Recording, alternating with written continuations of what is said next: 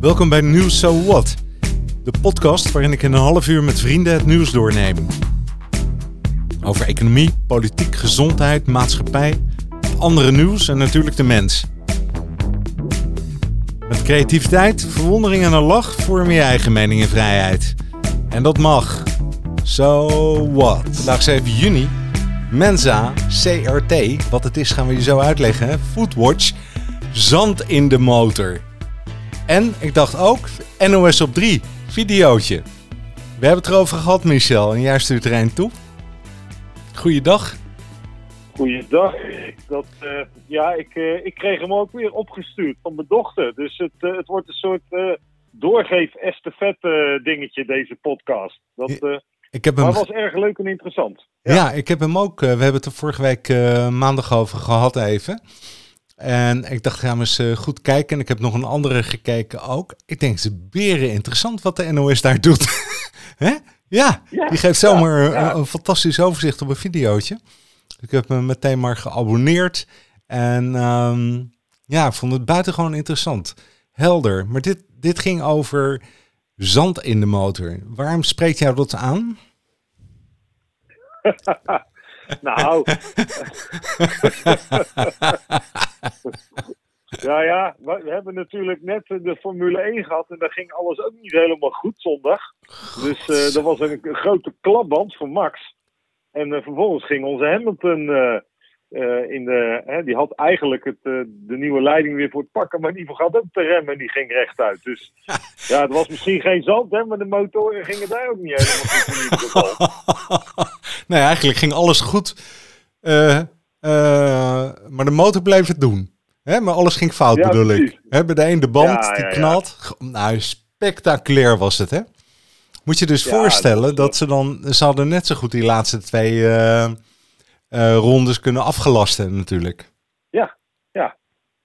Ja, het is... Het is uh, je denkt dan halverwege de wedstrijd, denk je van... Nou, dit is... de spanning is eruit, het is een gelopen race. En ja, dan kan er toch altijd weer zoiets gebeuren... waardoor het weer totaal iets anders wordt. En dat onvoorspelbare, dat blijft natuurlijk het leuke van live sport, hè? Dus ja. je weet nooit hoe het gaat lopen. Dat, uh, ja. En ik dacht, Zand heeft natuurlijk ook uh, een beetje een link naar dat uh, andere sport, hè? Wat, dat gebeuren waar we over anderhalf jaar in de zandbak moeten spelen, waar veel over te doen is. Ja. Maar daar is natuurlijk nu alles ook in een soort EK-koorts aan het raken. Dus dat vond ik ook wel weer leuk om te zien. dus wij zijn ook weer het hele weekend een beetje in de stemming aan het komen. Dus, uh, Heb je de straat je versierd? acties in de retail. Heb je de straat versierd? of, uh? nou, ik, ik, ben vooral gaan wandelen om te kijken hoe dat de, overal de straten versierd zijn. Een beetje passief wat dat betreft. Dat, uh, ja, ik, ik, ik vind het wel een leuk fenomeen wat dat dan weer doet met, met zo'n volk. En, en ook altijd wel creatief. je, je, je struikelt over de acties inderdaad. Dus en ik vond de actie Bavaria heeft altijd wel een leuke creatieve kant. Dus die hadden nu inderdaad uh, geluk zit in een klein broekje. En dan kon je bij een paar blikjes bier een mannen- of een vrouwenbroekje kon je erbij krijgen. Dus, uh, nou ja. Dat doet me meteen denken aan die oude scheidsrechter, die Frans, van Derks, de, Frans Derksen. ja, ja. ja een klein broekje inderdaad, met zo'n parmantig kontje erin. Dat, ja. Uh, ja. Ik denk dat de vrouwen in Engeland van voetbal zijn gaan houden. Ja, dat, uh, maar hij hield niet zo van de vrouwen, toch? Dus dat, nee, nee, nee, nee. Oh ja, is dat zo? oh, dat wist ik helemaal niet, joh. Ja? Oh. Ja, ik weet, dat dacht ik hoor. Maar ja, dat, ja, nou, ik weet het eigenlijk ook niet helemaal zeker. Maar ik dacht, dat zou ook wel mooi moeten kunnen. Zo is dat. Nou, nu over het zand van de olie. He, want het onderwerp ging over het zand in de motor van de oliemaatschappijen. De grootste vervuilers die, die er zijn. een soort ranking van aantal bedrijven dat in de top 20, 40 zit, dat zijn allemaal oliemaatschappijen. hè, die ook nog ja. uh, groot zijn en ook nog groot vervuilen.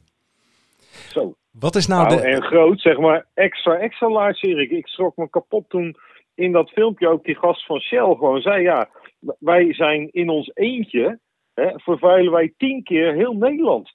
Ik dacht, zo, dat, uh, dat zijn nog eens verhoudingsgetallen. Dus ja, hmm. dat, dat er wat meer druk uh, komt. Hè? En dat het unieke was, hè, dat zag je in die film, dat de Nederlandse rechter natuurlijk voor het eerst nu geoordeeld heeft dat wetgeving die eigenlijk voor landen bedoeld is, dat die ook uh, van toepassing verklaard kan worden op multinationals.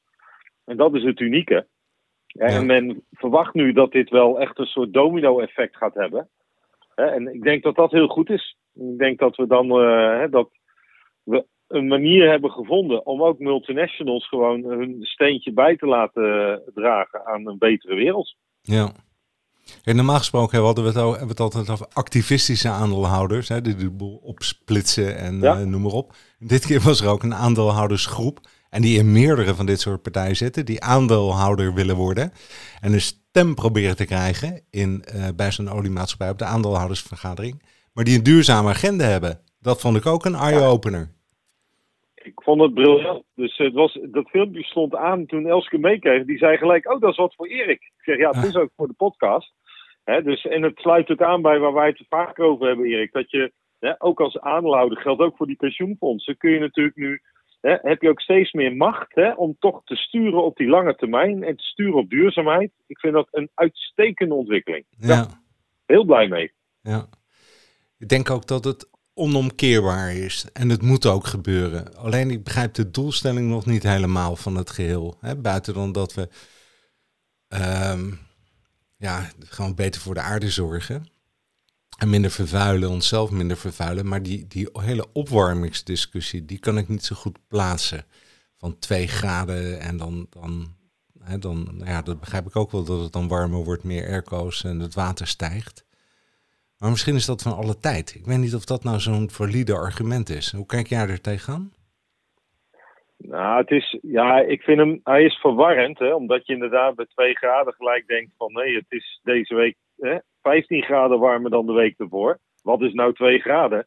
Maar het is eigenlijk een soort van verhoudingsgetal die iets zegt over hoe het met de aarde gaat. Hè. En uh, met name door het verdwijnen van de ozonlaag en het opraken van natuurlijke hulpbronnen het is eigenlijk een soort van variabele, zou je kunnen zeggen, die zegt van joh, hè, hoe zorgen we ervoor dat het goed blijft gaan? Hè? En dat is eigenlijk eigen belang hè, voor de mensheid, dat we ook over, uh, op lange termijn hier nog goed kunnen leven. Uh, en al dit soort maatregelen zijn bedoeld om het, om het effect, hè, wat we natuurlijk al ja, decennia lang, uh, natuurlijk sinds de industriële revolutie, in gang aan het zetten zijn door alle vervuiling, zie je dat die aarde gaat opwarmen. Dus dat, dat is met alle wetenschap wel duidelijk geworden. En we moeten gewoon harder ons best doen om die opwarming af te remmen en tegen te gaan.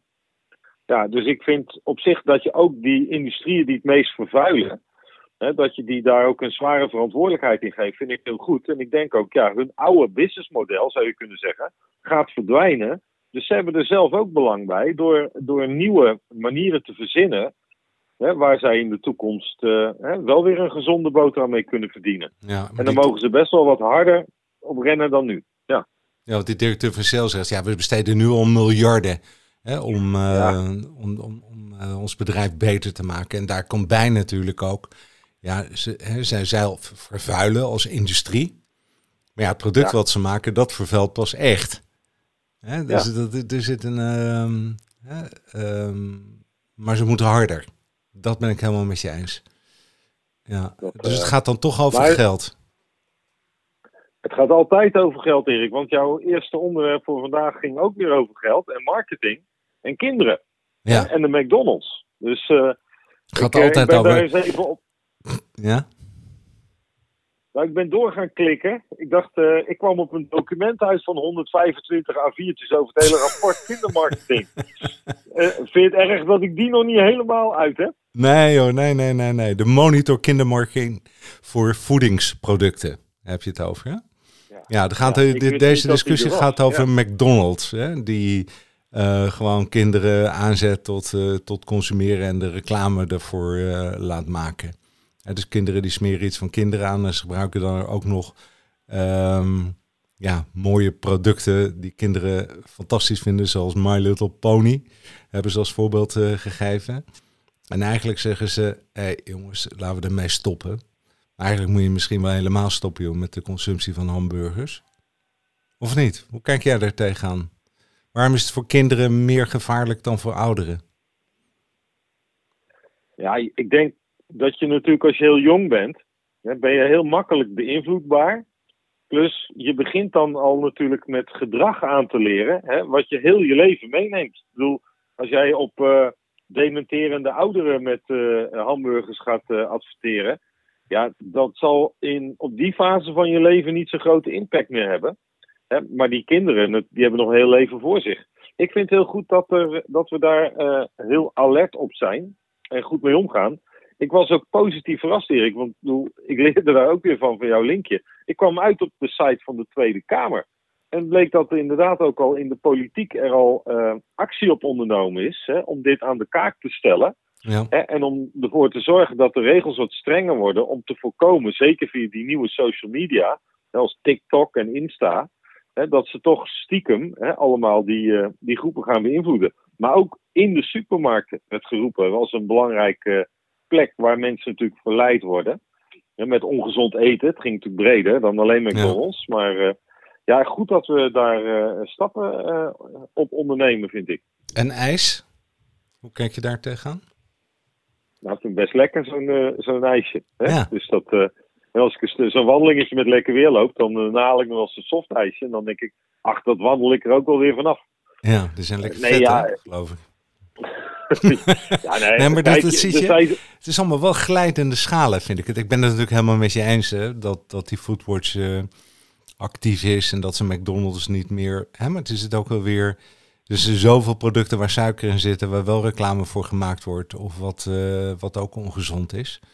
Hè, ze, zouden het, ze zouden eigenlijk moeten zeggen, überhaupt. Hè, uh, nou, vroeger mocht, was er het kinderwetje van Van Houten. En uh, ik kan me ook nog herinneren dat bij Joop van de Ende, dan mochten kinderen niet spelen, geloof ik, in de musical. Weet je wel, of na, na achten. Of zoiets, ja. zoiets speelde ook, ja. hè? Eigenlijk zou je het helemaal moeten schrappen, joh. Die hele marketing tot uh, eh, 16 jaar is uh, klaar. Weet je wel, laat die kinderen zelf maar um, opgroeien met hun ouders en uh, die nog een beetje kunnen bijdragen, hopelijk maar het, is, als je het ene verbiedt of de ene zegt dit, dit werkt niet, dan zul je dat ook bij anderen moeten doen. En het schept altijd presidenten en altijd gezeik, hè, is het eigenlijk. ja, ik ben, ik ben het wel met je eens. Doe het lekker simpel. Dat is net als we met uh, sigaretten natuurlijk hebben gedaan. Daar hebben we gewoon ook begin gezegd, dat doen we niet meer. Ja. dus uh, misschien dat Netflix dan heel veel snoepende kinderen in haar programma's gaat krijgen als we dit gaan verbieden. Ja, zie je. Daar zie ik ook verdacht veel mensen roken. dat dan weer wel. denk je dat er minder mensen roken? Ik vraag het me af. Ja, ja, ja, ik denk ja, nee, zeker Nee joh, in de generatie waarin wij uh, voor het eerst gingen stappen, dan, dan had je toch altijd heel veel kleren die, uh, die, die, moesten heel lang uithangen om die rook eruit te krijgen. Zo. Dat is echt, echt niet meer, hè? dat is onvergelijkbaar met nu. Ja. En er is nog steeds een harde kern die wel rookt. Het is niet helemaal weg, maar het is echt veel minder dan vroeger. Ja, ja. En de kinderen, uh, want je zou dus zeggen, er is en heel veel um, om te doen. Nou, een pakje sigaretten kopen uh, alleen dat al, hè, dat kun je niet zomaar. Hè, daar moet je een leeftijd voor hebben. En als je dan zo naar zo'n pakje kijkt, dan denk je, ja, uh, uh, daar, daar word je ook niet vrolijk van. Mm, maar toch wordt er veel gerookt. Mijn dochter steekt af en toe een sigaret op. Mijn andere dochter steekt ook af en toe een sigaret op. Weet je wel? Ik denk, ja, ja. Hoe, hoe hard moet het? Voordat, hè, hè, een pakje sigaretten kost, kost, wat kost dat al joh? 8, 8 euro of zo? Ik heb geen idee.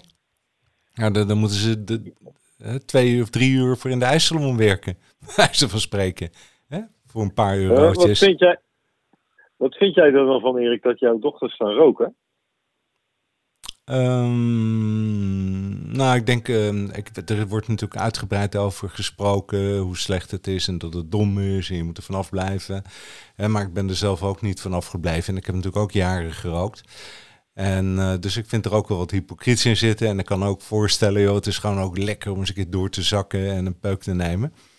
Um, nu heb ik daar totaal geen behoefte meer aan. Hè. We hebben al een jaar of 15 of zo, of 10, 15. En maar daarvoor konden ze tegen mij ook natuurlijk van alles zeggen. En ik stopte en ik begon en ik stopte en begon. En, um... Ja, maar jij, jij was toch meer een gezelligheidsroker dan dat je s ochtends bij je eerste kop koffie al aan de. Oh, nee, ja, helemaal had. eens. Ja, oh, dat vond ik al dus helemaal niks. Uh...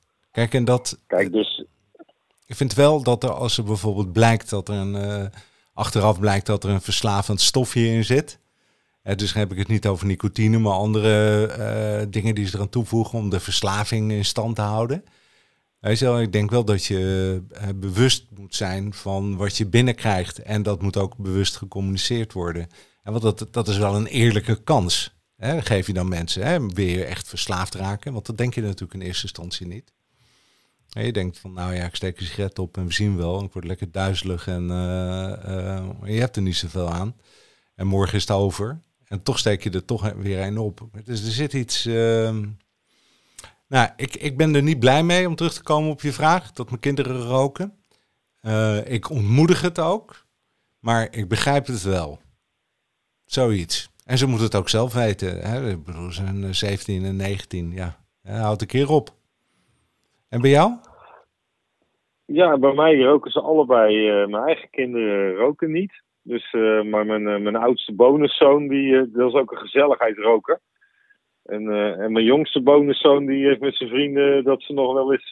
maar die, die roken dan eentje die ze met elkaar delen. Dan weet je wel wat ze roken. Ja, ja. Dus, dat, dus, dus, dan roken ze niet zoveel. Maar dan kan je ook heel duizelig of zoiets voor worden. Dus dat... ja, nee, maar het heeft... vol, volgens mij... Het heeft... Vorige week had je mijn hand over de jeugdpuisjes ook. Dus ik denk, joh, het is ook een levensfase. Je moet ook even dingen proberen, experimenteren. het is ook een sociaal gebeuren met elkaar. Het hoort een beetje bij die tijd, denk ja. ik. dat, uh, ja, ik, ik vind dat ook. Uh, ik hoop wel natuurlijk dat ze gewoon een, een gezonde levensstijl gaan ontwikkelen. maar daar hoort ook gewoon uh, gezond bewegen bij. En, en ook je geestelijk en de juiste vrienden. Dus als dat hele pakketje hè, met elkaar maar een beetje in, in evenwicht is. En iedereen heeft recht een beetje op zijn eigen zondes, toch? Ja, nou, ik heb het even opgezocht. 20% van de volwassenen gaf in 2020 aan wel eens te roken. Een lichte daling ten opzichte van een jaar eerder. 15% zei dagelijks te roken. Hetzelfde als in 2019. Nou, dus ik neem aan 2019, 2020 dat de prijs omhoog gegaan is, dat de zwarte randen om de pakjes nog groter zijn, dat het nog meer ontmoedigd wordt. Um, dat er heel veel over geleerd en ook aan zijn coronajaartje, dat, dat is dan een uitzondering. Maar ik heb het idee dat het helemaal niet achteruit gaat. En terwijl we wel steeds slimmer worden. Um, althans, we weten meer. We kunnen bij meer gegevens over uh, de gezondheidszorg of over ziekenhuisopnames of over kanker of over. Hè, uh, en toch doen we het niet. Dat is bijzonder, vind ik. Dan zit er dus iets ja, anders. Lijkt, ja, het lijkt erop dat je een soort bodem bereikt hebt van een soort harde kern die hè, die, die afweging maakt en ik doe het lekker toch of zo. Hè? Dat, uh, ja, dat heb je ook met drinken of te hard rijden. Je zult altijd. hè, dus ik denk dat je dan het ook moet denken: het is wel oké. Okay. Kijk, ik vind wel dat het grote voordeel nu hè, is dat als je zelf niet rookt, heb je er veel minder last van. Hè? Ik bedoel, twintig jaar geleden hè, had je als niet-roker veel meer last van rokers. Maar dat is denk ik redelijk uitgeband in de openbare, in de kantoren, de kroegen. Hè, zelfs de discussie hè, dat je bij de sportvelden van de kinderen niet meer mag uh, roken, dat soort dingen. Hè, uh, de, de straten bij scholen zijn rookvrij buiten. Dus we zijn daar al best wel ver in gegaan. Ik vind het prima, maar ik vind het ook wel oké. Okay. Laten we nu maar weer ons van andere dingen gaan uh, bemoeien. In Spanje, uh, als je dan buiten aan een tafeltje zit met een restaurant, dan moet je buiten het, buiten het restaurantgebied gaan staan om te roken. Grappig, ja, ja, hè? Ja, ja, ja. En je mag niet eens aan tafel roken, ook niet buiten. Dus de, die zitten er hard op. En ik verbaas me dan nog dat het, dat het zo hardnekkig is. Dat is wat ik eigenlijk uh, probeer te achterhalen hier. Hè, wat, wat, wat maakt het dan? Dat het, het is toch stoer, waarschijnlijk. Of uh, het zal een psychologisch element in zich hebben. Heb jij een roker bij een van je vaste gasten? Want uh, ja, ik ben vroeger ook wel een uh, gezelligheidsroker geweest, maar, maar niet zo heel erg veel. Dus ik denk dat, dat je echt een, een echte roker maar eens een keer even daarna moet vragen. En dat ga ik, ik doen. Dat je het antwoord niet kan geven. Dat, Heel goed. Hey, en wat is, jouw, wat is jouw IQ, Erik? Nou, ik zie hier staan 146, maar dat is niet van mij. Ja, ja maar je zit vast boven de 98, het gemiddelde van de Amerikanen. Ja, dat, dat, dat, dat hoop ik wel. Um, maar hè, het, IQ heeft een heleboel variaties en varianten en metingen. je kunt uh, super creatief zijn of je kunt heel snel rekenen. Of je hebt mensen die heel snel kunnen rekenen, hartstikke slim zijn en uh, dyslectisch. Weet je wel? En uh, je, hebt, je hebt dus een heleboel verschillende vormen van IQ. Maar mijn oog viel op dat er een twee jaar oud meisje lid kon worden van, van Mensa. Dan, toen vroeg ik me af, ja, hoe bepalen ze dat dan? Hoe kun je nou iemand, van iemand vragen die twee jaar is, hoe slim iemand is en dat ze dat kunnen meten? Ik was er gewoon verbaasd over. Heb jij een beeld? Ik vind het nog steeds verbazingwekkend. Ik heb dat filmpje bekeken en dat meisje weet het hele periodieke systeem van scheikunde uit de hoofd. En, uh, en, je, en, je kan van alle landen op de wereld kan je de omvang laten zien. Hè? Hoe zo'n land er dan op de wereldkaart uitziet. Gewoon, en dan weet ze alle landen uit de hoofd. Nou, ik denk beide zouden wij de helft echt niet halen, Erik. Nee, dus, zeker niet. Dan, uh, zeker maar, niet. Ja, ik vind, wat, wat, wat, maar wat, ja, hè, het voelt, ze is wel bijna drie, hè. Ze wordt in juni drie. Dus, uh, jeetje, ik denk, uh, wat, wat, op die leeftijd, wees lekker kind, weet je wel. Dat, dat waarom, wel weer echt Amerika ook, hè, dat hier zo'n heisa van gemaakt wordt.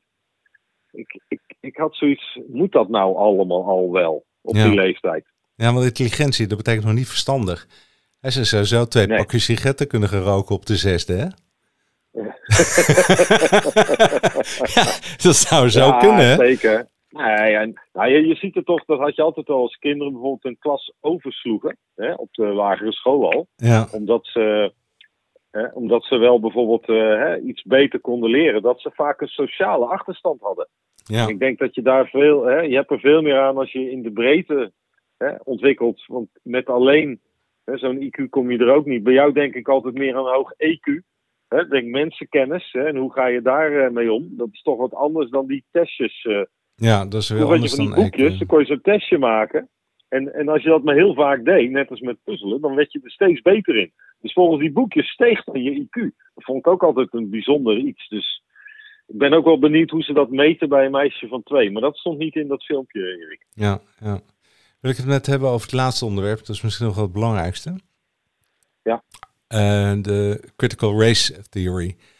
En je, je hoort die vaak noemen uh, en voorbij komen. En in, in allerlei vormen. Uh, nou ja, van Black Lives Matters tot ehm, I Can't Breathe. Tot, tot nou ja, dit, hè, dit zit diep, diep, diep in ons.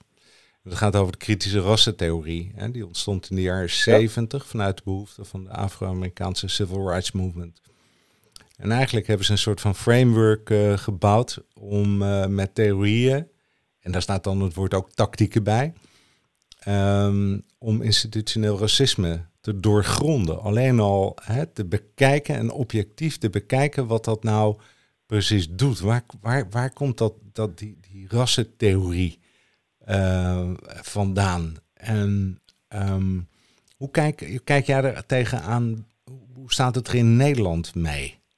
Hoe, denk je dat dat die bril om naar rassen te kijken in Nederland, om te beoordelen hoe de, hoe de, hoe de, de blanken, zeg maar, en de, en, de, en de, de machtsstructuren lopen en de privileges en hoe, hoe denk je dat we er in Nederland voor staan? Geef eens een cijfer als je dat zou kunnen. Poeh, uh, ja, dat is best een moeilijke vraag. Kijk, het heeft bij ons natuurlijk. Uh, ik, kan een, ik ga even wat kletsen voor ik een cijfer ga geven, Erik. Want je moet het een beetje context geven. Ja. als je kijkt van in hoeverre hebben wij. Want in Amerika weten we natuurlijk dat uh, vanuit. met name natuurlijk. Het is ook bijna een soort apartheid hè, met slavernij daar vroeger. En wij worstelen natuurlijk ook heel erg met ons slavernijverleden. Hè, bij ons zag je dat natuurlijk de afgelopen jaren is dat ook heel erg gegroeid met de Zwarte Piet discussie, met een Aquasi, met Bijeen. Hè, met een uh, Umberto Tan, hè, die toch ook wel uh, wat redelijk succesvol iemand is. Hè. Als nou zegt, nou, die heeft niet zoveel last van racisme, hè, bij wijze van spreken. Hè, dat is toch een. een, een, een uh, dan kan je je schoonmoeder je zo mee thuis zien komen. Ja, die had er dat zelf ook, die voelde dat wel. Ik vind het, wat je merkt in het gesprek is dat dat je als je zelf niet dat daar, onderdeel van bent, is het heel lastig om in iemands schoenen te gaan staan. Om het echt te voelen. Je probeert je wel te verplaatsen, maar je onderschat het altijd. En ik denk dat het uh, probleem echt veel fundamenteler en dieper is. En daarom vind ik dit wel een hele uh, goede en interessante ontwikkeling. Om ook wetenschappelijk veel dieper daarnaar te kijken van. Want ook al wil je het niet, hè, want het is niet een kwestie van dat, we, hè, dat het de platte kant is uh, van, van racisme. Maar ongemerkt doe je dat natuurlijk heel veel ja. hè, als maatschappij. Ik denk echt wel dat dat institutioneel is. En dat het nog niet zo'n simpele uh, oplossing uh, voorhanden is. Dus dat we echt wel dit soort modellen en, en wetenschappelijke diepgang echt kunnen gebruiken om hier fundamentele stappen in te gaan maken. Dat geloof ik wel. Dus ik zou het eerder een. Ja, laat ik zo zeggen, de, hoe het is in Nederland is denk ik een vijf. Ik denk niet een drie. Uh, maar, en het bewustzijn, dat was altijd een twee. En dat bewustzijn is nu een beetje van een naar een 6, 7 gegaan dus daar splits ik hem dan even in in cijfers. en ik denk dat het bewustzijn nog omhoog moet gaan naar 8, 9. Willen we daar echt. En ik hoop dat dit soort aanpakken en wetenschappelijke onderbouwingen daarbij gaan helpen. En dat we daarmee ook er.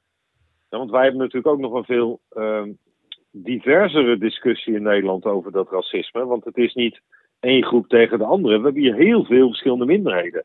Natuurlijk in Amerika ook wel maar hier speelt natuurlijk ook de discussie met de Turken en de, en de Marokkanen weer heel anders dan met de Surinamers. Wij hebben uh, afgelopen uh, uh, vrijdagnacht om 12 uur op tv, was een unicum bij ons, Erik. Hm. Was voor het eerst dat het Surinaams nationaal elftal op Nederlandse tv was, live. Dus met Surinaams commentaar. Dat, en mijn zoon die was bij me en die, die zei: Joh, pap, we hadden een paar biertjes gedronken, we hadden nog geen slaap. Hij zegt toch wel benieuwd om te kijken hoe dat gaat. Hè? Heel veel bekende Nederlandse voetballers spelen daar nu inmiddels. Die dan net het Nederlands zelfs al niet haalden. Ja. ja, dan was je in Suriname, wat helemaal uh, code zwart was van corona. De stadions waren leeg. Het was overigens maar een half stadion ook. Zag je verder allemaal huizen.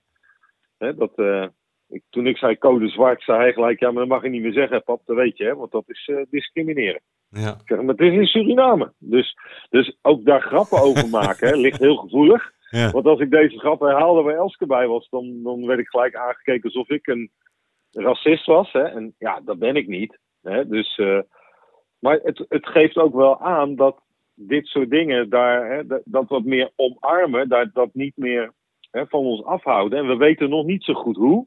Dus het is soms wat houterig en wat amateuristisch. Maar wij, wij moeten een manier vinden om ons te verzoenen hè, met met ons verleden hè, en, en veel meer echt gelijkheid op alle vlakken creëren. Dat is een hele klus. Ja, ja, ja, ja. Het, is, uh, het gaat over de dominante cultuur. Nou ja, weet je, ik, dat vind ik zo leuk dat ik die, uh, die opleiding nog een keer gedaan heb later. Dat is vijf jaar geleden of mhm. zes jaar geleden. En dat, er, dat was dit een onderdeel van. En wat dat ging natuurlijk over cultuur in organisaties, maar ook in maatschappij. En Um, het, het, het, we waren daar vaak ook over de genderproblematiek uh, uh, die daar speelt. Of die daar speelt en die we ontleden en naar keken. En, en zelfs in de meest...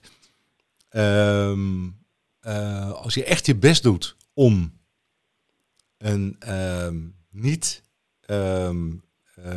witte dominante bril op te zetten... dan ga je nog om de om de tien zinnen in de fout. Omdat er ergens wel een, een, een zin en een constructie uit naar voren komt, waaruit blijkt dat, of dat, dat dogma vanuit christendom of vanuit je, vanuit je opvoeding, van wat een Nederlander is en wat gezelligheid betekent. Uh, nou ja, tot en met uh, uh, de Amsterdamse grachten. Wij er, er, zit een. we zijn ons gewoon niet bewust van deze uh, deze, deze bril die we opzetten, hoe we naar de maatschappij kijken en hoe we die beoordelen. En dat, ik denk ook dat het tijd wordt, en dat is de enige methode ook. Uh, kijk, je hoeft je bij wet afdwingen, dat gaat niet werken. En je zult het ergens op moeten lossen in de cultuur.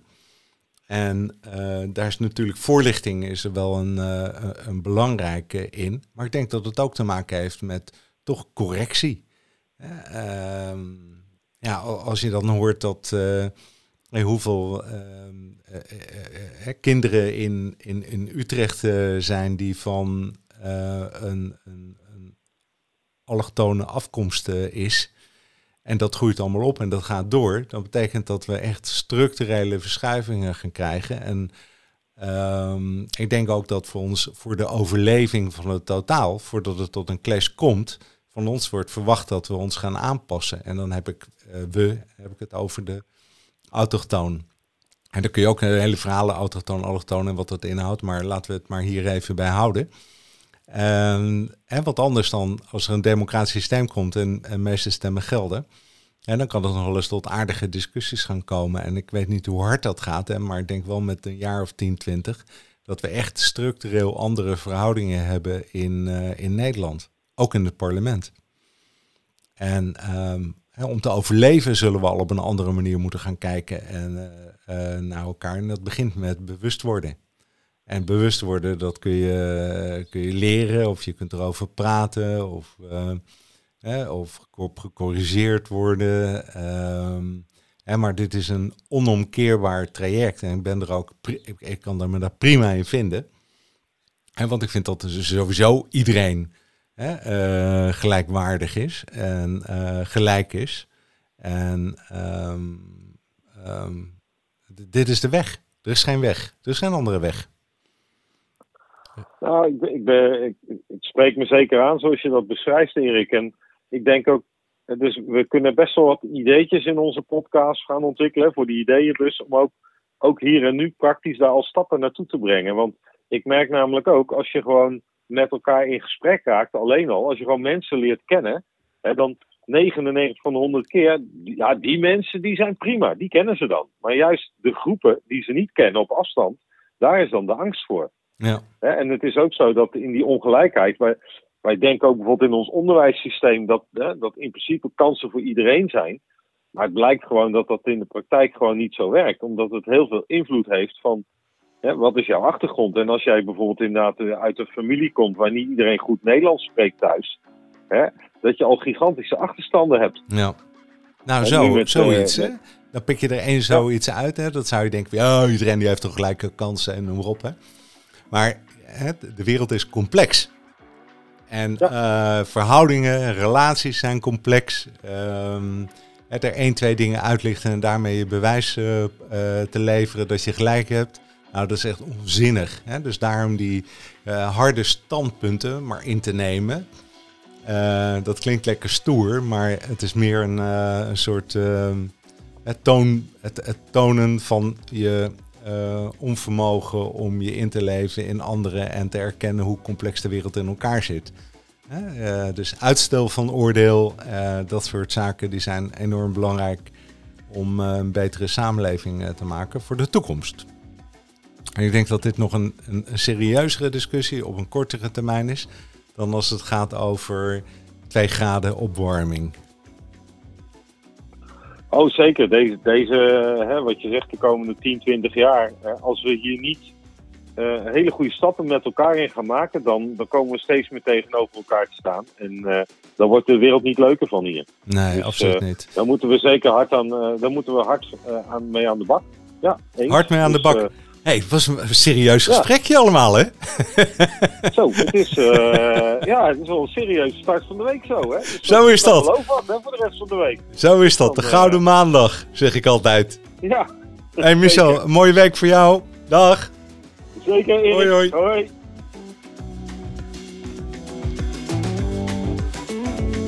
Maar zo zie je dat uh, deze onderwerpen die zo licht voorbij komen um, een, eigenlijk verdienen om, om veel aandacht te krijgen en om over elkaar na te denken. Maar ik denk dat dit nog ons grootste probleem is waar we, wat we moeten gaan overwinnen. Met elkaar leven. Zo heet dat. Samenleving ook wel. Dag!